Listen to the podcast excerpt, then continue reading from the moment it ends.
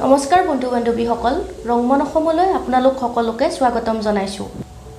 ভাৰতবৰ্ষৰ অৰ্থনীতিৰ ক্ষেত্ৰত সমুদ্ৰৰ কি যোগদান সামুদ্ৰিক অৰ্থনীতি কি হয় ভাৰতবৰ্ষৰ ক্ষেত্ৰত বা সমুদ্ৰৰ আত্মনিৰ্ভৰ ভাৰতৰ ক্ষেত্ৰত কেনেকুৱা যোগদান আমি আজি সেই বিষয়ে কিছু কথা আলোচনা কৰিম। জিঅ'গ্ৰাফিকেলি যদি চাওঁ ভাৰতবৰ্ষ এনেকুৱা এখন দেশ যি তিনিটা দিশত সমুদ্ৰই আগুৰি আছে। পূবত বংগোপসাগৰ পশ্চিমত আৰবিয়ান চি আৰু দক্ষিণত ভাৰত মহাসাগৰ। গতিকে সমুদ্ৰই seven point five thousand kilometre coast line ইণ্ডিয়াত ক্ৰিয়েট কৰিছে মানে চি কোষ্ট লাইন গতিকে সমুদ্ৰৰ ইণ্ডিয়ান ইকনমিত কণ্ট্ৰিবিউশ্যন কি বা ছেল্ফ ৰিলায়েণ্ট ইণ্ডিয়াৰ কাৰণে চি ইকনমিটো কিমান ইম্পৰ্টেণ্ট হয় আমি আজি সেই বিষয়ে কিছু কথা আলোচনা কৰিম। সামুদ্ৰিক বিকাশ বা সামুদ্ৰিক অৰ্থনীতিৰ বিষয়ে আপোনাৰ মতামত কি? হয়। আপুনি ঠিকেই কৈছে যে ভাৰতৰ এক বৃহৎ পৰিমাণৰ সীমা সাগৰ মহাসাগৰ ইত্যাদিয়ে আৱৰি আছে। গতিকে নিশ্চয়কৈ ভাৰতীয় অৰ্থনীতিত এই সাগৰ মহাসাগৰৰ যথেষ্ট পৰিমাণে অৱদান আছে। উদাহৰণস্বৰূপে যদি ক'ব খোজোঁ ভাৰতৰ অন্য দেশৰ লগত যি ব্যৱসায় বাণিজ্য হয় সেই ব্যৱসায় বাণিজ্যৰ পঁচান্নব্বৈ শতাংশই হয় সাগৰীয় পথেৰে আৰু যদি আমি এইটো মানিটাৰী ভেলুত যদি চাওঁ তেতিয়াহ'লে ভাৰতবৰ্ষৰ মুঠ ব্যৱসায় যিমান কৰে অন্য দেশৰ লগত ইয়াৰে ছিক্সটি ফাইভ পাৰ্চেণ্ট হয় সাগৰীয় মাধ্যমত। গতিকে ইয়াৰ পৰাই আমি অনুমান কৰিব পাৰোঁ যে দেশখনৰ অৰ্থনীতিত সাগৰ মহাসাগৰ ইত্যাদিয়ে কেনেকুৱা প্ৰভাৱ বিস্তাৰ কৰিছে। গতিকে আপোনালোকে চাওক ভাৰতৰ এটা ইমান দীঘল উপকূলীয় সীমাৰেখা আছে। গতিকে ভাৰতবাসীয়ে এই প্ৰকৃতিৰ যি দান অৰ্থাৎ ভাৰতৰ যিটো তিনিওটা ফালে আৱৰি থকা সাগৰ মহাসাগৰ কেইখনৰ যি সম্পদ আছে সেই সম্পদখিনিক দেশৰ অৰ্থনৈতিক উন্নতিৰ কাৰণে ব্যৱহাৰ কৰি দেশক উন্নতিৰ পথত আগুৱাই লৈ যাব লাগে। হয় নিশ্চয়কৈ। ভাৰতৰ কাৰণে সমুদ্ৰৰ যি কণ্ট্ৰিবিউশ্যন হয় ভাৰতৰ ইকনমিত আপুনি ক'লে। কিন্তু তাৰ আগতে এটা যিটো এটা কনচেপ্ট আহিছে মানে এটা প্ৰগ্ৰেম লোৱা হৈছে ড্ৰাফ্ট পলিচি এখনো পাছ হৈছে যে ব্লু ইকনমি ব্লু ইকনমি যি সমুদ্ৰ অৰ্থনীতিৰ লগত জড়িত হয় সেই বিষয়ে আপুনি আমাৰ দৰ্শকসকলক অকণমান বুজাই দিয়ক। এতিয়া ব্লু ইকনমিটোৰ বিষয়ে যদি আমি ক'ব খোজোঁ তাৰ আগত আমি চাওঁ সাগৰ বা মহাসাগৰ কোনো এখন দেশৰ কাষত যেতিয়া সাগৰ বা মহাসাগৰ থাকে সেই সাগৰ বা মহাসাগৰখনক কিছুমান জোনত ভাগ কৰা হয়। আৰু সেইমতেই সেই নিৰ্দিষ্ট দেশখনে সাগৰখনত বা মহাসাগৰখনত এক নিৰ্দিষ্ট দূৰত্বলৈকে থকা যিবিলাক প্ৰাকৃতিক সম্পদ সেই প্ৰাকৃতিক সম্পদবিলাকৰ ওপৰত নিজৰ আধিপত্য বিস্তাৰ কৰিব পাৰে। উদাহৰণস্বৰূপে United Nation Convention on law of sea বুলি এটা কনভেনশ্যন আছে। আৰু এই কনভেনশ্যনে এনেকুৱাকৈ নীতি নিৰ্ধাৰণ কৰিছে যে কোনো এখন দেশৰ যিটো কোষ্টেল লাইন কোষ্টেল লাইনৰ পৰা বাৰ নটিকেল মাইল দূৰত্বলৈকে যিখিনি পৰ্চন থাকিব সেই পৰ্চনটোক কি বুলি কোৱা হয়? টেৰিটৰিয়েল চি এই টেৰিটৰিয়েল চিৰ মিনিংটো কি? অৰ্থাৎ যে এই টেৰিটৰিয়েল চি বুলি যিখিনি ৰিজন আছে এই ৰিজনখনত কি হ'ব? সেই যিখন দেশ আছে সেই দেশখনৰ ভূমিত যিবিলাক ল আছে সেই গোটেইবিলাক ল সেই টেৰিটৰিয়েল চি জোনটোতো এপ্লিকেবল হ'ব। যি দেশখনৰ যি আইন কানুন আছে সেই গোটেইখিনি আইন কানুন সেই টেৰিটৰিয়েল চি ৰিজিয়নটোতো বাহাল থাকিব। এইটো এটা ৰিজিয়ন গ'ল। ইয়াৰ পিছত যদি আমি আৰু অন্য এটা ৰিজিয়ন চাওঁ সেইটো হ'ল উপকূলীয় অঞ্চলৰ পৰা দুশ নটিকেল মাইল দূৰলৈকে থকা দূৰত্বখিনি। এইটোক কি বুলি কোৱা হয়? এক্সক্লুচিভ ইকনমিক জ'ন এই এক্সক্লুচিভ ইকনমিক জ'নটোৰ কি অৰ্থ? যে এই অঞ্চলখিনিৰ ভিতৰত থকা যিমানখিনি প্ৰাকৃতিক সম্পদ সেই গোটেইখিনি সম্পদ সেই নিৰ্দিষ্ট দেশখনে ব্যৱহাৰ কৰিব পাৰিব। ইয়াতেই আমি গম পাওঁ যে ব্লু ইকনমিৰ প্ৰভাৱ কিমান। গতিকে চাওক ব্লু ইকনমি বুলি যদি আমি কওঁ তাৰ ডেফিনেশ্যন বহুত আছে। বিভিন্ন বিভিন্ন সংস্থাই বিভিন্ন বিভিন্ন ডেফিনেশ্যন দিছে। সাধাৰণভাৱে যদি আমি ক'ব খোজোঁ যে কোনো এখন দেশে ইয়াৰ এই এক্সক্লুচিভ ইকনমিক জ'নত থকা যিখিনি ৰিজিয়ন আছে সেই ৰিজিয়নত যিখিনি প্ৰাকৃতিক সম্পদ আছে সেই প্ৰাকৃতিক সম্পদখিনি নিজৰ দেশখনৰ অৰ্থনৈতিক উন্নতিৰ কাৰণে যদি ব্যৱহাৰ কৰে আৰু এনেকৈ ব্যৱহাৰ কৰিব লাগিব যাতে সাগৰৰ যিটো ইক'ছিষ্টেম আছে সেই ইক'ছিষ্টেমটো যাতে বৰবাদ নহয়। কোনো ধৰণৰ বেয়া প্ৰভাৱ নপৰে। এনেকুৱাকৈ বেয়া প্ৰভাৱ নপৰাকৈ যদি সেই সেই প্ৰাকৃতিক সম্পদখিনি ব্যৱহাৰ কৰি নিজৰ দেশখনৰ অৰ্থনৈতিক উন্নতি যদি আনিব পৰা ধৰণৰ কাম কৰে তেতিয়াহ'লে ইয়াৰ লগত জড়িত ইকনমিটোক ব্লু ইকনমি বুলি কোৱা হয়। এতিয়া ব্লু ইকনমিৰ ভিতৰত কি পৰিব? যে সাগৰীয় যিবিলাক অঞ্চল আছে এক্সক্লুচিভ ইকনমিক জ'নত তাত যদি মাছৰ মানে বিজনেছ যদি কৰা হয় নতুবা তাত যিবিলাক প্ৰাকৃতিক সম্পদ আছে সেইবিলাক এক্সপ্ল'ৰেশ্যনৰ যদি বিজনেছ কৰা হয় নতুবা তাত ট্ৰান্সপৰ্টেশ্যনৰ যদি বিজনেছ কৰা হয় এই গোটেইবিলাক মিলিয়ে হৈছে ব্লু ইকনমি গতিকে আমি বুজিব পাৰিলোঁ যে কোনো এখন দেশৰ অৰ্থনীতিত ব্লু ইকনমিয়ে কিদৰে অৱদান আগবঢ়াব পাৰে? নিশ্চয়। হয় ব্লু ইকনমি ড্ৰাফ্ট পলিচি যিখন আছে ইণ্ডিয়াৰ অৰ্থনীতিৰ ক্ষেত্ৰত তাতে মেইনলি কেইটামান নিৰ্দিষ্ট থিমৰ ওপৰত গুৰুত্ব দিয়া হৈছে। সেই থিমকেইটা হ'ল টুৰিজিম ট্ৰেড টেকন'লজি আৰু যিটো ইক'ছিষ্টেম হয় সেইটোৰ ওপৰত। মানে মেৰিটাইম ইক'ছিষ্টেম যিটো হয় সেইটোৰ ওপৰত। টুৰিজিম এখন কাণ্ট্ৰিৰ ৰেভিনিউ হওক বা ডেভেলপমেণ্টৰ কাৰণে হওক কিমান ইম্পৰ্টেণ্ট হয় আমি সকলোৱে জানো। গতিকে ব্লু ইকনমিৰ দ্বাৰা এইটো গুৰুত্ব দিয়া হয় যাতে টুৰিজিম ছেক্টৰটো ডেভেলপ হয় যাৰ ফলত টুৰিজিম য'ত ডেভেলপ হ'ব তাতে হোটেল ৰেষ্টুৰেণ্ট বা কানেক্টিভিটি এই সকলোখিনি ডেভেলপ হ'ব। আৰু লগতে এমপ্লয়মেণ্ট অপৰচুনিটিও তাৰে আশে পাশে থকা মানুহখিনিয়ে পাব। তাৰোপৰি আন এটা কথা হ'ল যে টেকন'লজি টেকন'লজি এটা টুৰিজিম জেগা বা ব্লু ইকনমি যিখিনি কানেক্টিভিটি থকা জেগা হয় সাগৰৰ তাতে টেকন'লজি ডেভেলপমেণ্ট হ'বই লাগিব। তাতে ইণ্ডাষ্ট্ৰিয়েল ডেভেলপমেণ্ট হওক বা কিবা টেকন'লজিকেল ডেভেলপমেণ্ট তাৰ কাৰণে এক্টিভিটি কিছুমান কৰিব পৰা যাব তাতে। তাৰোপৰি আৰু এটা হ'ল যে ট্ৰেডিং যিহেতু চি কানেক্টিভিটি হয় তাতে পৰ্ট বনাই শ্বিপিং বা লজিষ্টিক যিবিলাক শ্বিপিং এক্টিভিটিছ আছে সেইবোৰ ডেভেলপ কৰিব। তাতে এটা ইম্পৰ্টেণ্ট থিম হয় ব্লু ইকনমিক পলিচিৰ আণ্ডাৰত আৰু এই গোটেইখিনি যেতিয়া হ'ব ডেভেলপমেণ্ট তাতে এটা বস্তু চাব লাগিব যাতে যেতিয়া সাগৰীয় যিটো ইক'ছিষ্টেম হয় তাত কোনো ধৰণৰ হাৰ্ম নহয়। এই ইম্পৰ্টেণ্ট ফেক্টৰ এটাও ব্লু ইকনমি পলিচিৰ আণ্ডাৰত গুৰুত্ব দিয়া হয়। এতিয়া আমি চাওঁ আহক যে ভাৰতৰ প্ৰেক্ষাপটত এই ব্লু ইকনমিয়ে ভাৰতক কেনেকৈ সহায় কৰিব পাৰে। বা ভাৰতৰ এই ক্ষেত্ৰত পটেঞ্চিয়েল কি আছে?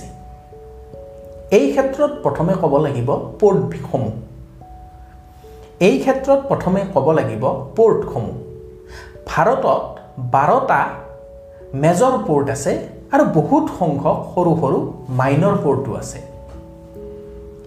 কিন্তু এই যিকেইটা মেজৰ পৰ্ট আছে সেই পৰ্টকেইটাৰ ইনফ্ৰাষ্ট্ৰাকচাৰটো যথেষ্ট পৰিমাণে উন্নত নহয়। যিটো ৱৰ্ল্ড ক্লাছ ইনফ্ৰাষ্ট্ৰাকচাৰ হ'ব লাগে এটা পৰ্টৰ সেই ইনফ্ৰাষ্ট্ৰাকচাৰটো এতিয়াও ভাৰতত পৰ্টকেইটাত হোৱা নাই। গতিকে পটেঞ্চিয়েলটো আছে। পৰ্টকেইটা খালি আমি কি কৰিব লাগিব? ইনফ্ৰাষ্ট্ৰাকচাৰটো ডেভেলপ কৰিব লাগিব। আমি স্মাৰ্ট পৰ্ট বনাব লাগিব। যাতে পেপাৰলেছভাৱে আমি গোটেইখিনি কাম কৰিব পাৰোঁ। মেনেজমেণ্টটো যাতে ভাল হয়।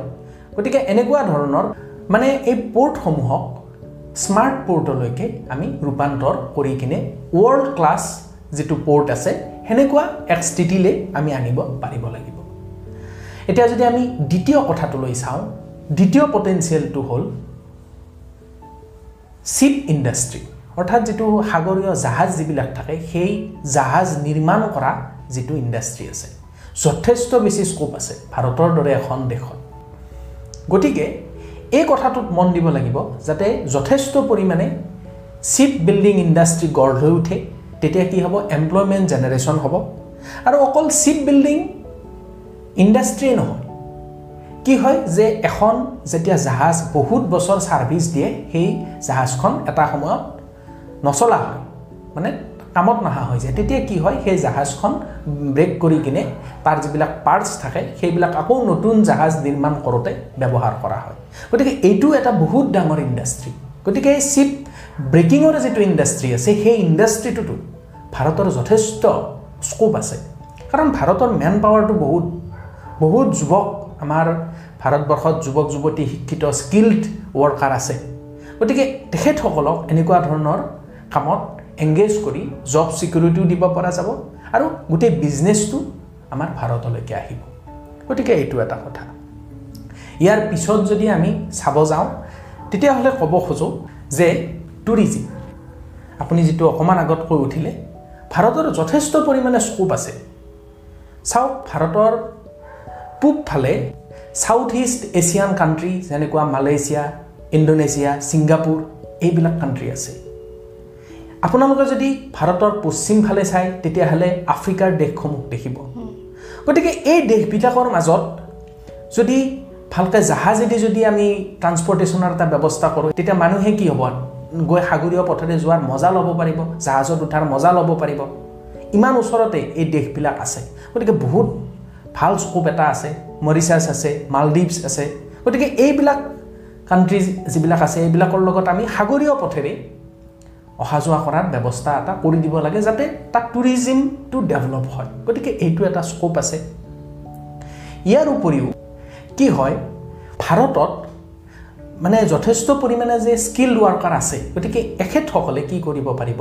বেলেগ বেলেগ কাণ্ট্ৰিৰ যিবিলাক শ্বিপ থাকে যেনে আমেৰিকাই হওক বা অন্যান্য ইউৰোপীয়ান কাণ্ট্ৰিয়ে হওক তেখেতসকলৰ যেতিয়া ইণ্ডিয়ান অচিয়ানত যেতিয়া তেখেতসকলৰ জাহাজবিলাক আহে বা মিলিটেৰী জাহাজবিলাক আহে এইবিলাক কেতিয়াবা বেয়া হয় কেতিয়াবা সৰু সুৰা কিবা ৰিপেয়াৰিঙৰ প্ৰয়োজন হৈ যায়। গতিকে এই কামখিনি যদি ভাৰততে হৈ যায় ধৰি লওক আমেৰিকাৰ এখন জাহাজ এখন আছে কিবা সামান্য ৰিপেয়াৰিঙৰ প্ৰয়োজন হৈ গ'ল। সেই জাহাজখন ভাৰত মহাসাগৰত আছে।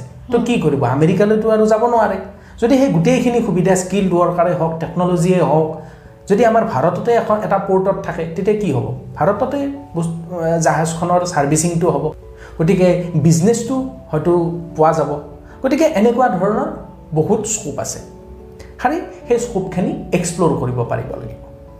হয় আপুনি ঠিকেই কৈছে। ভাৰতত পটেঞ্চিয়েল যথেষ্টখিনি আছে। কিন্তু ভাৰত চৰকাৰে এই ক্ষেত্ৰত কি কি পদক্ষেপ লৈছে আমি সেই বিষয়ে কিছু কথা এতিয়া আলোচনা কৰোঁ। এই পৰ্ট ডেভেলপমেণ্ট হওক বা মেৰিটিম ডেভেলপমেণ্ট বা ব্লু ইকনমি এই গোটেইখিনিৰ দায়িত্বভাৰ আছে union ministry of port shipping and waterways আৰু আমাৰ অসমবাসীৰ কাৰণে অতি গৌৰৱৰ কথা যে এই মিনিষ্ট্ৰীটোৰ দায়িত্বত আছে আমাৰ সৰ্বানন্দ সোণোৱাল ডাঙৰীয়া। এতিয়া চাওঁ আহক যে মিনিষ্ট্ৰী অফ পৰ্ট শ্বিপিং আৰু ৱাটাৰৱেজে মেৰিটিম ডেভেলপমেণ্ট মানে মেৰিটিম ইকনমিক ডেভেলপমেণ্ট বা ব্লু ইকনমিৰ ক্ষেত্ৰত কি কি পদক্ষেপ লৈছে?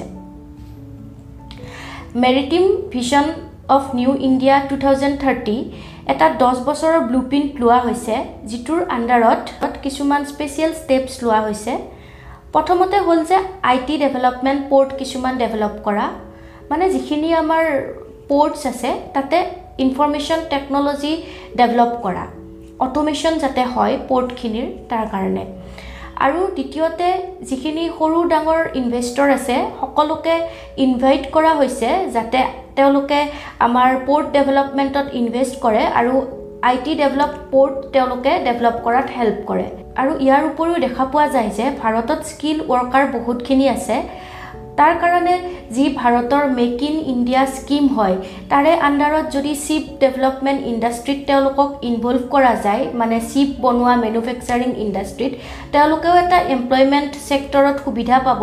তাৰোপৰি ইণ্ডিয়াৰ যিটো মেক ইন ইণ্ডিয়া বা self reliant India Atmanirbhar Bharat সেইটোও ফুলফিল হ'ব। আন এটা গুৰুত্বপূৰ্ণ কথা হ'ল যে যিবোৰ যিবোৰে শ্বিপ অ'নাৰশ্বিপ লয় ধৰক এখন জাহাজ আছে তেওঁলোকে এখন গাড়ী যিদৰে আমি ৰেজিষ্ট্ৰেশ্যন কৰোঁ তেওঁলোকে এখন কাণ্ট্ৰিৰ আণ্ডাৰত তেওঁলোকৰ জাহাজখন ৰেজিষ্ট্ৰেশ্যন কৰিব লাগে। আৰু সেইটোক কয় যে ফ্লেগশ্বিপ বা ফ্লেগ ছিষ্টেম। কিন্তু দেখা পোৱা যায় যে এখন বিভিন্ন কাণ্ট্ৰিত এই ফ্লেগ ছিষ্টেম বা ৰেজিষ্ট্ৰেশ্যন ছিষ্টেমটো ইমান ইজি নহয়। আৰু তাৰ কাৰণে জাহাজৰ অ'নাৰবোৰে বেলেগ ফ্লেক্সিবল কাণ্ট্ৰি য'ত ৰুল ৰেগুলেশ্যন ইমান নাই তাতে তেওঁলোকে ৰেজিষ্ট্ৰেশ্যন কৰা বা ফ্লেগশ্বিপ লোৱাৰ কাৰণে চিন্তা চৰ্চা কৰে। এতিয়া এই ক্ষেত্ৰত ইণ্ডিয়াই শ্বিপ অ'নাৰ্ছবিলাকক মটিভেট কৰিবলৈ তেওঁলোকক ইনভাইট কৰিছে যাতে তেওঁলোকে আহি ইয়াতে ৰেজিষ্ট্ৰেশ্যন কৰে আৰু তাৰ কাৰণে ইণ্ডিয়াই বহুতখিনি ফ্লেক্সিবিলিটি মেইনটেইন কৰিব। আৰু মেৰিটিম ভিজন নিউ ইণ্ডিয়াৰ যি প্ৰগ্ৰামটো আছে তাৰে লগত সাগৰমালা প্ৰজেক্টটো মাৰ্চ কৰি দিয়া হৈছে আৰু এই সাগৰমালা প্ৰজেক্টৰ আণ্ডাৰত ইনলেণ্ড ৱাটাৰৱেজ আৰু পৰ্ট ডেভেলপমেণ্টৰ ষ্টেপবোৰ হাতত লোৱা হয়। হয় India maritime vision twenty thirty যিটো পদক্ষেপ লোৱা হৈছে এইটো আছে। ইয়াৰ উপৰিও ভাৰতৰ সংসদে বহুতকেইখন এনেকুৱা আইনো পাছ কৰিছে বা কিছুমান বিল হৈ আছে এতিয়া হয়তো ভৱিষ্যত সময়ত এইবিলাক আইন হ'ব। গতিকে এনেকুৱা ধৰণৰ পদক্ষেপো হাতত লৈছে। ইয়াৰ ভিতৰত এটা উল্লেখযোগ্য মানে এক্ট হ'ল। কেইদিনমান আগত এইখন পাছ হৈ গ'ল যোৱা ফেব্ৰুৱাৰী মাহত। সেইখন হ'ল port authority of India act এইখন হৈছে ঊনৈছশ তেষষ্ঠি চনত major port trust of India বুলি এখন এক্ট আছিল। সেই এক্টখন মানে ৰিপ্লেচ কৰি এই নতুন এক্টখন অনা হৈছে। তো আগতে কি আছিলে যিবিলাক পৰ্ট আছিলে পৰ্টবিলাকৰ যিটো অথৰিটি মেইন অথৰিটিটো চেণ্ট্ৰেল গভৰ্ণমেণ্টৰ হাতত আছিলে। চেণ্ট্ৰেল গভৰ্ণমেণ্টৰ যিটো শ্বিপিং ডিপাৰ্টমেণ্ট আছে তেখেতসকলৰ হাতত আছিল। তো তেতিয়া কি হয় এই পৰ্টবিলাক মানে যিখিনি মানুহে পৰ্টটো চলাই মানে তেখেতসকলৰ হাতত ইমান মানে অট'নমিটো নাথাকে মানে। মানে চেণ্ট্ৰেলে যেনেকৈ কয় বা সেনেকুৱা ডাইৰেকশ্যনতে চলিব লাগে। কিন্তু এই নতুন আইনখনত মেক্সিমাম যিটো অথৰিটিটো এই অথৰিটিটো সেই পৰ্টটো যিখিনি মানুহে চলায় মানে যিখন কমিটি থাকিব বা যিখন বৰ্ড থাকিব সেই বৰ্ডখনক মেক্সিমাম অট'নমিটো দিয়া হৈছে। দুই এটা কথাত মানে চেণ্টাৰে শ্বিপিং যিটো মিনিষ্ট্ৰী আছে হস্তক্ষেপ কৰিব দুই এটাত। কিন্তু মেক্সিমাম সিদ্ধান্ত এই কমিটিখনে নিজাববীয়াকৈ ল'ব পাৰিব। আৰু এই যিবিলাক পৰ্ট থাকে পৰ্টৰ যিটো কমিটি থাকিব সেই কমিটিখনত চেয়াৰমেন থাকিব ডেপুটি চেয়াৰমেন থাকিব তাত চৰকাৰৰ মানুহো থাকিব আৰু বিভিন্ন ডিপাৰ্টমেণ্ট যেনে ৰেলৱে ডিপাৰ্টমেণ্টৰ মানুহো থাকিব। গতিকে এনেকেই মানে কেইজনমান সদস্যক লগত লৈ একোখন কমিটি বনোৱা হ'ব আৰু কমিটিখনক সম্পূৰ্ণৰূপে সিদ্ধান্ত লোৱা ক্ষমতাটো দিয়া হ'ব। আৰু এই ক্ষেত্ৰত চৰকাৰে পি পি পি মুডত যিটো ইনভেষ্টমেণ্ট হয় তাকো মানে ইনভাইটেশ্যন দিছে যাতে এই পৰ্টবিলাকত যিটো প্ৰাইভেট ইনভেষ্টমেণ্ট যিটো হয় সেইটো যাতে হয় হৈ কিনে যাতে ইনফ্ৰাষ্ট্ৰাকচাৰটো যাতে ডেভেলপ হয়। ইয়াৰ উপৰিও আন কিছুমান বিলো পাছ কৰাৰ ক্ষেত্ৰত চৰকাৰে পদক্ষেপ লৈছে। ইয়াৰ ভিতৰত এটা হ'ল marine aids and navigation bill two thousand twenty one গতিকে এইখনতো মানে কোৱা আছে যে পৰ্টটোৰ যিটো নেভিগেশ্যন ছিষ্টেম যিটো পৰ্ট মেনেজমেণ্ট কৰা বা শ্বিপবিলাকৰ যিটো নেভিগেশ্যন এইটো আগতে কি আছিলে? লাইট হাউচ বুলি কনচেপ্ট আছিলে যে আপোনালোকে জানে যে পৰ্ট যিবিলাক থাকে তাত বহুত ওখ ওখ এনেকুৱা লাইট হাউচ থাকে যাতে জাহাজবিলাকে গম পায় যে এনেকৈ আহিব লাগিব পাৰ্ক কৰিব লাগিব। কিন্তু সেইটো বহুত পুৰণা টেকন'লজি গতিকে আজিকালি যিটো মডাৰ্ণ যিটো টেকন'লজি তাৰ মানে জি পি এছ ছিষ্টেমেই হওক বা আজিকালি ডিজিটেল টেকন'লজিয়ে হওক এইবিলাক ইউজ কৰি মডাৰ্ণ টেকন'লজি ইউজ কৰি এই নেভিগেশ্যন ছিষ্টেমটো মানে স্মাৰ্ট কৰাৰ কাৰণে পদক্ষেপ হাতত লৈ থকা হৈছে। এই ক্ষেত্ৰত আৰু এটা কথা ক'ব খোজোঁ যে পুৰণা যিবিলাক লাইট হাউচ আছিল এইবিলাক মানে সকলোবিলাক লাইট হাউচ গুচাই দিয়া নহয় কিছুমান মানে বহুত পুৰণা যিবিলাক লাইট হাউচ আছে এনেকুৱা লাইট হাউচ আছে যিবিলাকৰ বয়স হয়তো ডেৰশ দুশ বছৰমানো হ'ব। গতিকে এনেকুৱা লাইট হাউচবিলাক কি কৰিব টুৰিষ্ট স্পট হিচাপে থোৱা হ'ব যাতে মানুহে গৈ চাব পাৰে যে পুৰণা সময়ত এনেকুৱা আছিলে সাগৰৰ যিটো নেভিগেশ্যন ছিষ্টেমটো তো এইটো এটা টুৰিজিমৰ সহায় কৰিব। তো এনেকুৱা ধৰণৰ কিছুমান পদক্ষেপ লৈ থকা হৈছে। গতিকে আমি এই আলোচনাটোৰ পৰা দেখিলোঁ যে ভাৰতৰ অৰ্থনীতিক বুষ্ট আপ কৰিবৰ কাৰণে বা অৰ্থনীতিৰ যিটো ডেভেলপমেণ্ট সেইটো হোৱাৰ ক্ষেত্ৰত ভাৰতৰ সাগৰ মহাসাগৰসমূহে এক বিশেষ ভূমিকা ল'ব পাৰে পটেঞ্চিয়েল আছে। গতিকে আমাৰ কথা হ'ল যে আমি সেই পটেঞ্চিয়েলসমূহ এক্সপ্ল'ৰ কৰিব লাগে। হয় ফ্ৰেণ্ডছ গতিকে ব্লু ইকনমি ভাৰতৰ ইকনমিৰ ক্ষেত্ৰত কিমান ডাঙৰ কণ্ট্ৰিবিউশ্যন আছে আমি আজি সেই বিষয়ে আলোচনা কৰিলোঁ। এইখিনিতে মই আপোনালোকক এই খোজোঁ যে ভাৰতৰ G D P about four percent blue ইকনমিয়ে contribute কৰিছে। মানে আমাৰ যিটো চি ইকনমি আছে চি ইকনমিয়ে কণ্ট্ৰিবিউট কৰিছে। গতিকে আমাৰ ইকনমি বা ভাৰতৰ অৰ্থনৈতিক ছিষ্টেমৰ কাৰণে যিটো কিমান গুৰুত্বপূৰ্ণ হয় এই সাগৰীয় অৰ্থনীতি আমি সকলোৱে বুজিলোঁ। টুৰিজিম হওক বা ট্ৰেডিং হওক বা এমপ্লয়মেণ্ট অপৰচুনিটিয়ে হওক এই মেৰিটিম ইকনমিয়ে আমাক এম্পল অপৰচুনিটি প্ৰভাইড কৰিব পাৰিব। গতিকে ব্লু ইকনমি ডেভেলপমেণ্টৰ ক্ষেত্ৰত ইন ফিউচাৰ যাতে আৰু নতুন নতুন ডেভেলপমেণ্ট আমি দেখিবলৈ পাওঁ ভাৰত চৰকাৰৰ ফালৰ পৰা সেয়ে আমাৰ আশা আৰু আজিলৈ এই ভিডিঅ'টো ইমানতে সমাপ্ত কৰিছোঁ। থেংক ইউ ধন্যবাদ।